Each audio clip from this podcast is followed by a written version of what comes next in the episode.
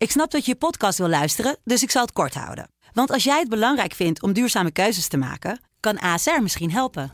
Nou hoor ik je denken, hoe dan? Nou, bijvoorbeeld bij het duurzaam herstellen van schade. Of de premies die we beleggen volgens ons duurzaam beleggingsbeleid. Dat bepaalt waar we wel en juist niet in investeren. Wil je meer weten over welke duurzame keuzes ASR maakt? Ga dan naar asr.nl/slash duurzame keuzes. ASR doet het. Zo, dan kan je nu lekker naar je podcast luisteren. In deze aflevering vertellen we je het verhaal van de achtjarige Sandra Cantu. Een vrolijk Amerikaans meisje dat gaat spelen bij een vriendinnetje, maar s'avonds niet verschijnt voor het eten.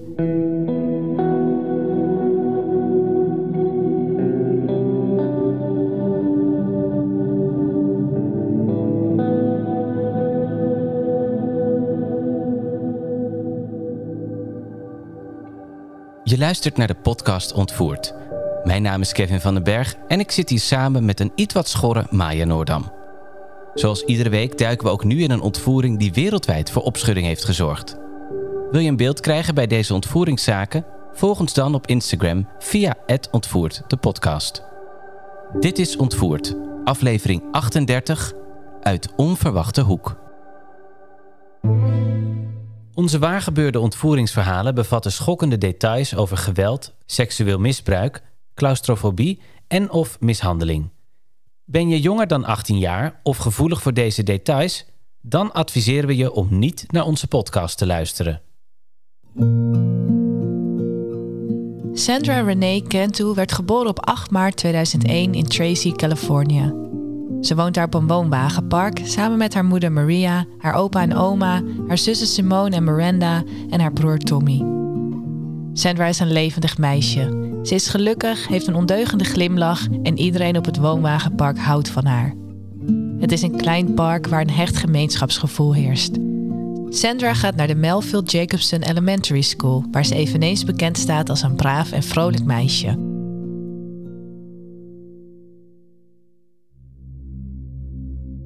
Het is vrijdagmiddag 27 maart 2009. De inmiddels achtjarige Sandra is uit school bij een vriendinnetje gaan spelen en komt iets voor vier uur weer thuis.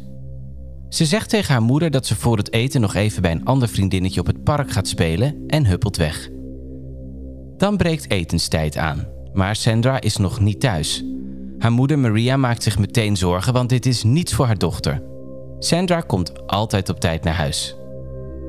Maria gaat direct overal naar haar zoeken op het park, maar ze kan haar niet vinden.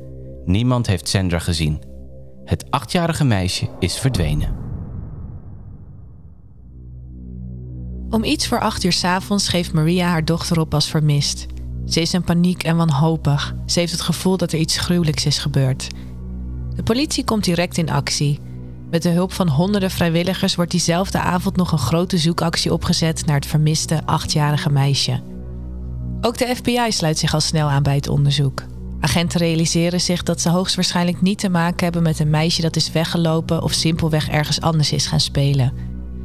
Dat betekent dat er een ongeluk is gebeurd of dat iemand betrokken is bij Sandra's verdwijning. In alle gevallen hebben ze geen tijd te verliezen. In het plaatsje Tracy worden overal foto's verspreid van Sandra en de politie gaat deur tot deur voor gesprekken met de bewoners van het woonwagenpark. Iedereen is betrokken bij het onderzoek, maar informatie blijft uit. De politie onderzoekt ook de beveiligingsbeelden van het woonwagenpark, dat overal voorzien is van goed cameratoezicht. Ze vinden al snel de beelden van Sandra van de laatste momenten voor haar verdwijning. Hierop is ze om 15.54 uur 54 smiddags te zien terwijl ze in de buurt van haar huis rondhuppelt in de zon. Ze draagt haar roze Hello Kitty t-shirt en een zwarte legging en ze ziet er gelukkig en zorgeloos uit. Vervolgens lijkt het alsof iets haar aandacht trekt en Sandra loopt door het beeld uit. Daarna wordt ze nergens meer opgepikt door een van de camera's. De FBI schakelt de hulp in van een profiler, een psychologisch expert die een daderprofiel schetst op basis van de omstandigheden van een zaak. Die stelt dat de vermoedelijke dader een blanke man is tussen de 25 en 40 jaar met een geschiedenis van zedendelicten of het bezit van kinderporno. Rechercheurs gaan daarom praten met zedendelinquenten in de buurt, maar dit levert niets op. Alle personen die ze spreken hebben een solide alibi.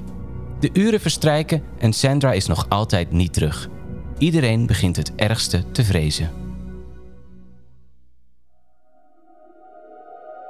Op de tweede dag van het onderzoek wordt er een waken georganiseerd voor Sandra.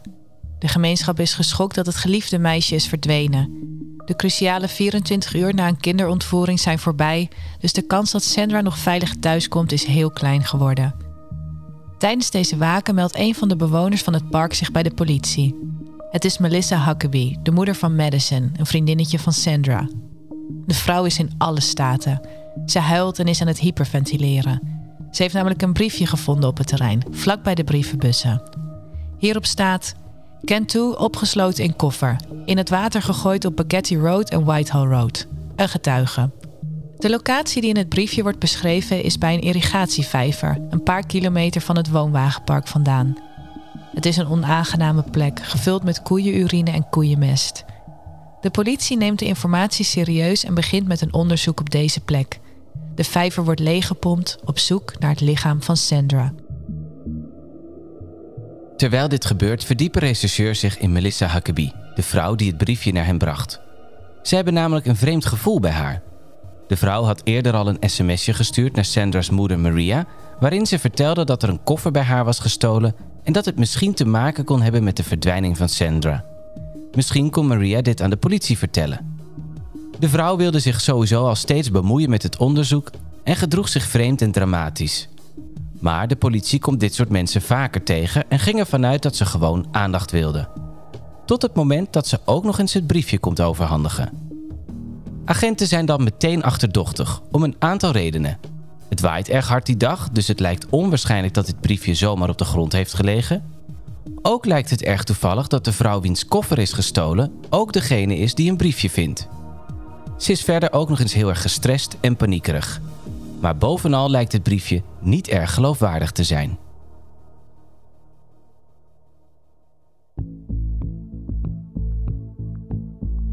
Dus regisseurs bekijken opnieuw de beveiligingsbeelden van Sandra's laatst bekende momenten.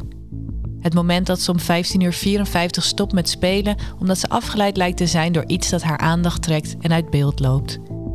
De politie komt tot de conclusie dat Sandra in de richting van Melissa Huckabee's woonwagen kijkt en vervolgens ook in die richting loopt.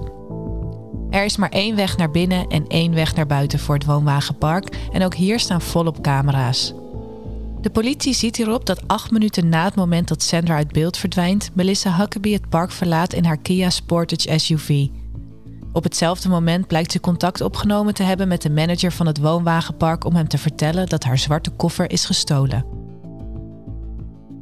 De politie vindt het een verdachte situatie en gaat in gesprek met Huckabee. Zij vertelt hen dat ze inderdaad was vertrokken van het park om naar de nabijgelegen kerk te gaan, waar ze zondagschoollerares is. Ze moest hier wat dingen schoonmaken en wat administratie doen voor de komende kerkprogramma's waarbij ze betrokken is. Vervolgens ging ze weer terug naar huis, zo zegt ze. Maar het bewijsmateriaal doet anders vermoeden. Op camerabeeld is te zien dat Huckabee's auto na ongeveer anderhalf uur het kerkterrein verlaat, zo rond half zes. Maar dan rijdt ze niet zoals gezegd terug naar het woonwagenpark, maar juist in tegengestelde richting. In de richting van de locatie van de irrigatievijver die beschreven stond in het briefje. Ongeveer een half uur later, rond zes uur, wordt ze op beelden vastgelegd wanneer ze weer terugkomt naar de kerk. Huckabee heeft duidelijk gelogen tegen de FBI. Maar wie is deze vrouw nu eigenlijk?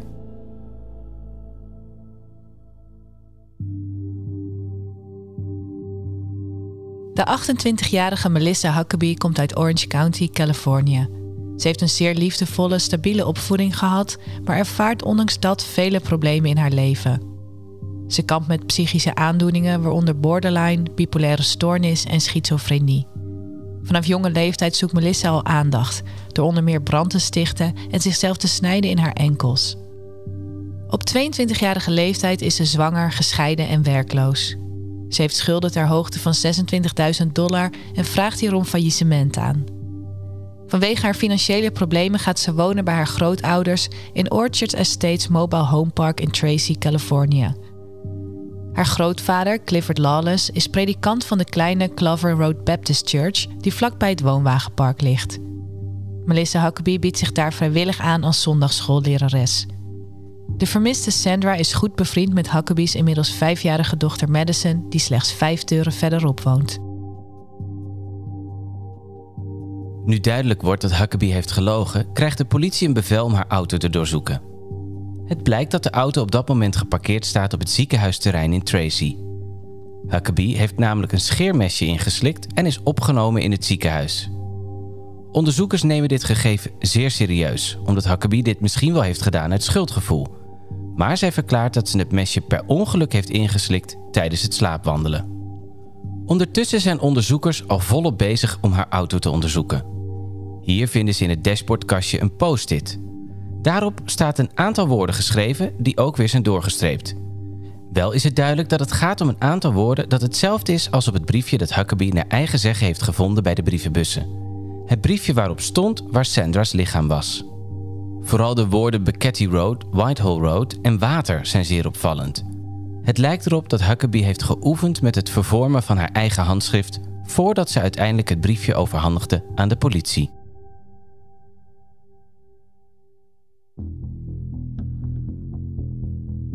Op 6 april 2009, tien dagen na de verdwijning van Sandra, wordt er een koffer gevonden in de irrigatievijver. Onderzoekers openen de koffer niet om zo belangrijk forensisch materiaal veilig te stellen. Maar de koffer voelt zwaar en agenten vrezen het ergste. De koffer wordt naar een lijkschouwer gebracht. Die haalt eerst een koord uit de ritsen die er doorheen is geregen om de koffer beter dicht te houden. Dan opent hij nog een hoes die is vastgemaakt. En dan vindt hij in de koffer het lichaam van de achtjarige Sandra, stevig verpakt in een perfecte foetuspositie. Om haar nek ligt een bebloede doek, gedrenkt in alcohol, die als een strop is vastgebonden. Ze is door wurging om het leven gekomen, maar ze heeft nog meer verwondingen over haar lichaam. De lijkschouwer vindt een schaafwond op haar elleboog en schade aan haar binnenlip, dat overeenkomt met een verstikkingsdood. Ook vindt de patholoog aangrijpend bewijs van ernstige aanranding. Hij moet beslissen of dit historische verwondingen waren van voor de moord, of dat deze tijdens haar ontvoering en moord zijn toegebracht. Zijn conclusie is duidelijk. Er is geen mogelijkheid dat het ernstige seksueel misbruik plaatsvond voor haar ontvoering en moord. Op de videobeelden was Sander namelijk huppelend en spelend te zien. Haar verwondingen aan haar genitaliën waren echter zo hevig dat ze nooit op die manier had kunnen bewegen en plezier had kunnen hebben. Het moet dus daarna zijn gebeurd. Ook valt het de lijkschouwer op dat de penetratiehoek niet overeenkomt met dat van een mannelijk geslachtsdeel.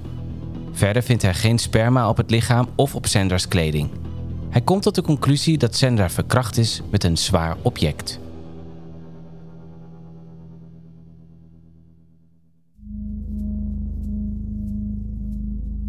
Terwijl Huckabee nog altijd in het ziekenhuis ligt, stuurt ze een reeks opvallende sms'jes naar haar grootmoeder Connie. Zo schrijft ze: Er komt om kwart over acht een verklaring over de koffer. Dat was snel. Ik hoop dat ze niks gevonden hebben. En even later: Ik hoop dat ze niet seksueel misbruikt is. Onderzoekers zijn nu echt gefixeerd op Huckabee en besluiten onderzoek te doen in de kerk waar ze na de verdwijning van Sandra naartoe is gereden. Het forensisch team gaat aan de slag en ontdekt al snel dat de koorden op de jaloezieën in de kerk hetzelfde lijken als de koorden die gebruikt waren om de koffer met daarin het lichaam van Sandra dicht te snoeren. Ze zoeken verder en zien dan dat in de kerkkeuken bij een van de jaloezieën het koord ontbreekt. Het lijkt er afgesneden te zijn. Ook is het forensisch team op zoek naar het object waarmee Sandra misbruikt en verwond is. De patholoog heeft vastgesteld dat het gaat om een groot en cilindrisch voorwerp. Het team doorzoekt de lades in de keuken van de kerk en vindt een metalen deegroller die wordt gebruikt om brood te maken voor de dienst van het heilig avondmaal. Een van de handvatten is verbogen en ze vinden een substantie op de deegroller. Dit sturen ze op voor forensische analyse en het test positief op Sandra's DNA. Een team doorzoekt daarnaast het huis van Huckabee en ook hier wordt volop belastend bewijs gevonden. Ze treffen een notitieboekje aan met op de cover de tekst Schattig maar gestoord. In dat notitieboekje vinden ze papier dat overeenkomt met het briefje dat Huckabee zogenaamd gevonden had, met hierop de locatie van Sandra's lichaam. Ze vinden zelfs een aantal inkepingen op het papier, afdrukken van een pen. Het blijkt te gaan om een tekst die overeenkomt met de tekst die op dat briefje stond. Het staat nu vast. Melissa Huckabee heeft het briefje zelf geschreven.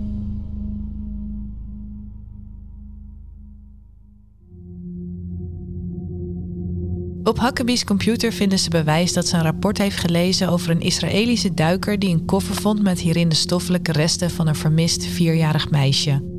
Het lijkt erop dat ze haar plan uitgebreid heeft voorbereid. Uit het toxicologisch onderzoek op Sandra's lichaam blijkt dat het meisje alprazolam in haar bloed had. Een sterk, snelwerkend kalmeringsmiddel. In het huis van Huckabee vinden agenten een tas met daarin heel veel medicatie, waaronder alprazolam. En dan blijkt dat het niet de eerste keer is dat ze op de radar van de politie is geweest in verband met verdachte omstandigheden rondom voorgeschreven medicijnen. Een paar maanden eerder, op 17 januari 2009, was een zevenjarig meisje verdwenen uit hetzelfde park als Sandra. Haar moeder had haar onmiddellijk als vermist opgegeven, maar kort daarna kwam het meisje tot ieders opluchting gewoon weer opdagen. Haar moeder, nog altijd vol angst, zenuwen en zorg, vroeg haar natuurlijk waar ze nou toch in vredesnaam was geweest. Het meisje zei: Oh, ik was bij Huckabee. Natuurlijk is de moeder van het meisje vooral blij dat ze haar dochter veilig in haar armen kan sluiten. Maar al snel valt het haar op dat haar dochter vreemd gedrag vertoont. Het lijkt alsof ze dronken is en ze komt niet goed uit haar woorden. Ze valt steeds bijna in slaap, huilt en kan niet opstaan zonder hulp. Ook kan ze niet lopen en valt ze steeds om. De moeder neemt haar dochter mee naar het ziekenhuis waar het meisje positief test op benzodiazepines, een spierverslapper. Ook wordt het meisje onderzocht op tekenen van misbruik, maar hiervan wordt geen bewijs gevonden.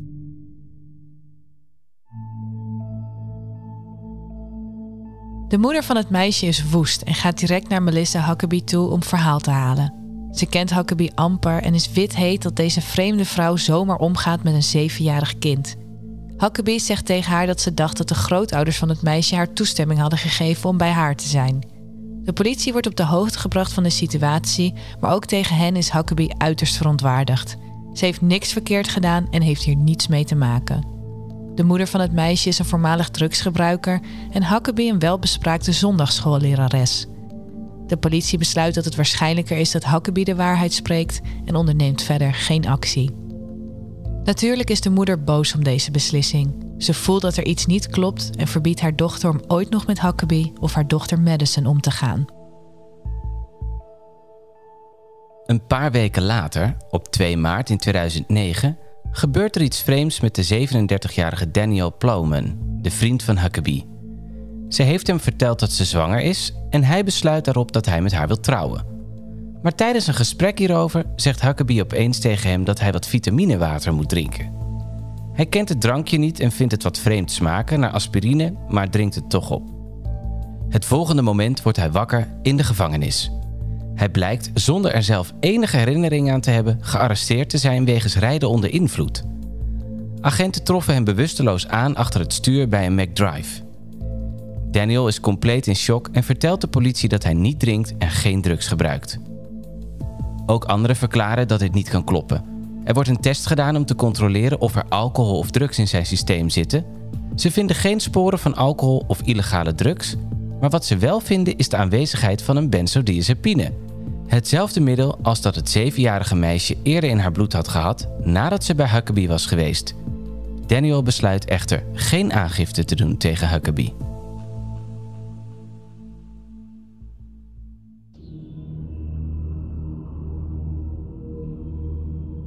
Dan wordt de zaak tegen Melissa Huckabee nog verder versterkt.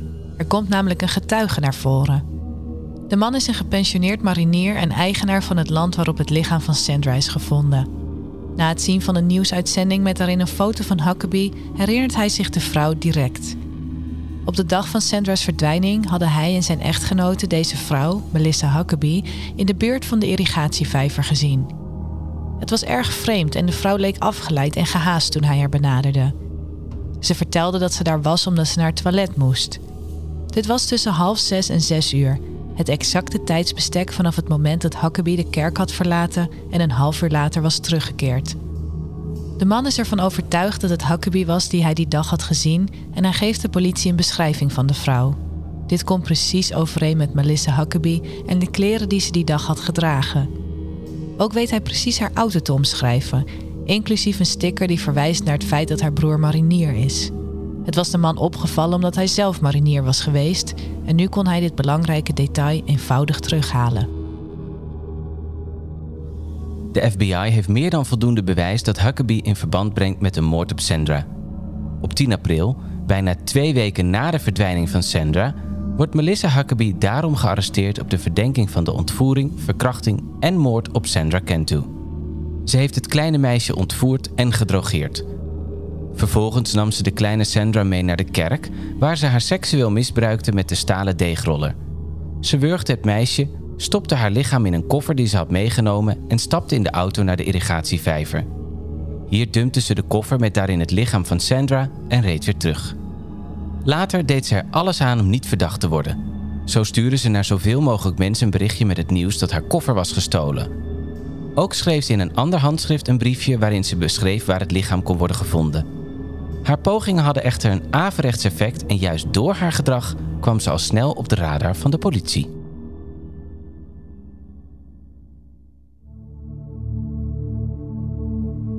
Het bewijs is overweldigend. Maar Huckabee vertelt dat ze wel betrokken was bij de dood van Sandra, maar dat het een ongeluk was en dat ze geen moordenaar is. Ze verklaart dat Sandra langskwam om met haar dochter Madison te spelen. Ze besloot een verstoppertje te gaan spelen en het idee ontstond dat Sandra zich in een koffer zou verstoppen. Huckabee ritste vervolgens naar eigen zeggen de rits dicht en vergat daarna dat Sandra in de koffer zat. Ze ging naar de kerk en toen ze terugkwam was Sandra al gestikt.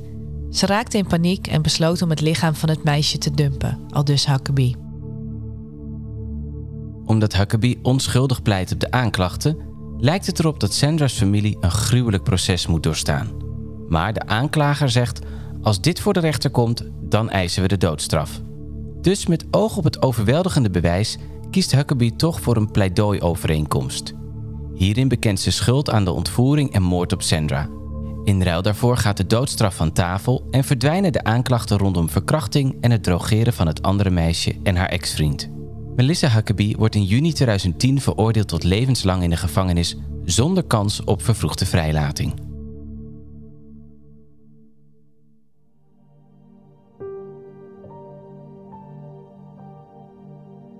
In een verklaring zei ze dat ze de rest van haar leven zal worstelen met de vraag waarom ze het heeft gedaan tegen Sandra's moeder zei ze dat het meisje niet had geleden en dat ze haar niet seksueel had misbruikt.